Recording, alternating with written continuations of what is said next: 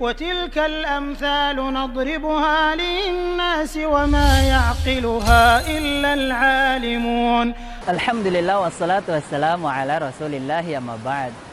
Allah subhanahu wa ta'ala mengajak kita untuk merenungkan firman-Nya di dalam surah Ali Imran ayat 190 hingga 191. Inna fi khalqis samawati wal ard wa ikhtilafil laili wan nahar la ayatil liulil albab.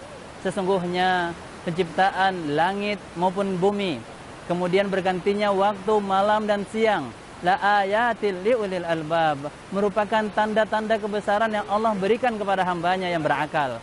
Siapa mereka hamba yang berakal? Allah terangkan di ayat selanjutnya. Alladzina yadhkuruna Allah qiyaman wa qu'udan wa 'ala junubihim wa yatafakkaruna fi khalqis samawati wal ard. Rabbana ma khalaqta hadza batila subhanaka faqina 'adzaban nar.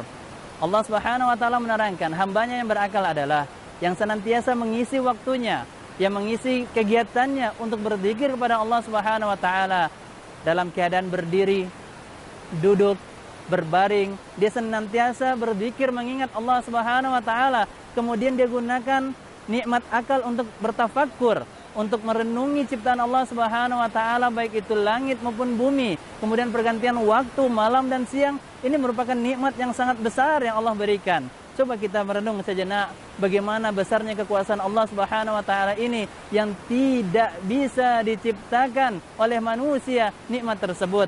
Maka dari ayat ini kita mendapatkan pelajaran bahwasanya sesungguhnya kita diajak untuk terus berzikir kepada Allah Subhanahu wa taala dari penciptaan yang Allah berikan, langitnya, buminya, pergantian waktu, bahkan di dalam ayat yang lain surah Al-Ghasyiyah Allah Subhanahu wa taala mengatakan afala yanzuruna ilal ibli kaifa khuliqat? Wa ilas samai kaifa rufi'at? Wa ilal jibali kaifa nusibat? Wa ilal ardi kaifa sutihat? Apakah mereka manusia tidak memperhatikan bagaimana unta-untanya diciptakan? Kemudian langitnya ditinggikan. Kemudian gunung-gunungnya diberdirikan oleh Allah Subhanahu wa taala kemudian dibentangkannya bumi-bumi kemudian ini hendaknya menjadi bahan pertimbangan dan pikiran atau tafakur yang digunakan oleh hamba Allah Subhanahu wa taala untuk mendekatkan dirinya takarub ilallah, mendekatkan dirinya daripada nikmat penciptaan yang saat ini dia lihat dengan matanya.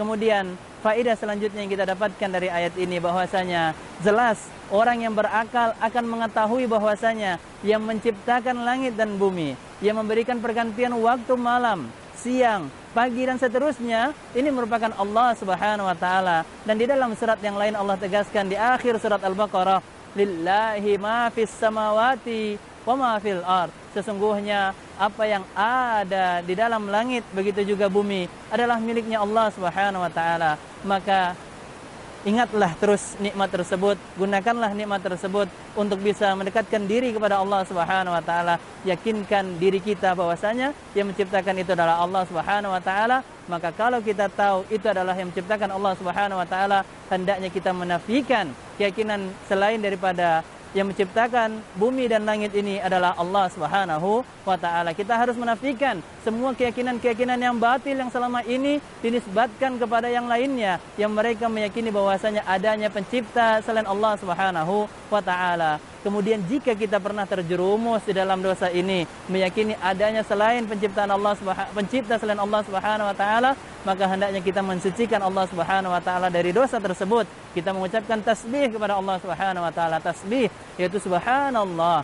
Kemudian kita berdoa kepada Allah Subhanahu wa taala, "Faqina adzaban nar ya Rabb kami." Bisa jadi dahulu kami terjerumus di dalam dosa besar ini. Adanya keyakinan selain daripada Allah Subhanahu wa taala, selain Engkau yang menciptakan langit dan bumi, maka ampunilah dosa kami, selamatkanlah diri kami daripada siksaan api neraka. Inilah nasihat yang bisa kita ambil faidah-faidah dari surat Ali Imran ayat 190 ayat 191. Semoga faidah-faidah ini mendekatkan kita, mengingatkan kita untuk senantiasa berzikir pada Allah dan meyakini bahwasanya Allah adalah satu-satunya yang menciptakan kita dan senantiasa kita sucikan Allah dengan bertasbih dan berdoa kepada Allah agar kita dijauhkan daripada siksaan api neraka. Semoga Allah Subhanahu wa taala wafatkan kita dalam keadaan bertauhid kepadanya dan semoga kita diselamatkan daripada siksaan api neraka. Barakallahu fiikum.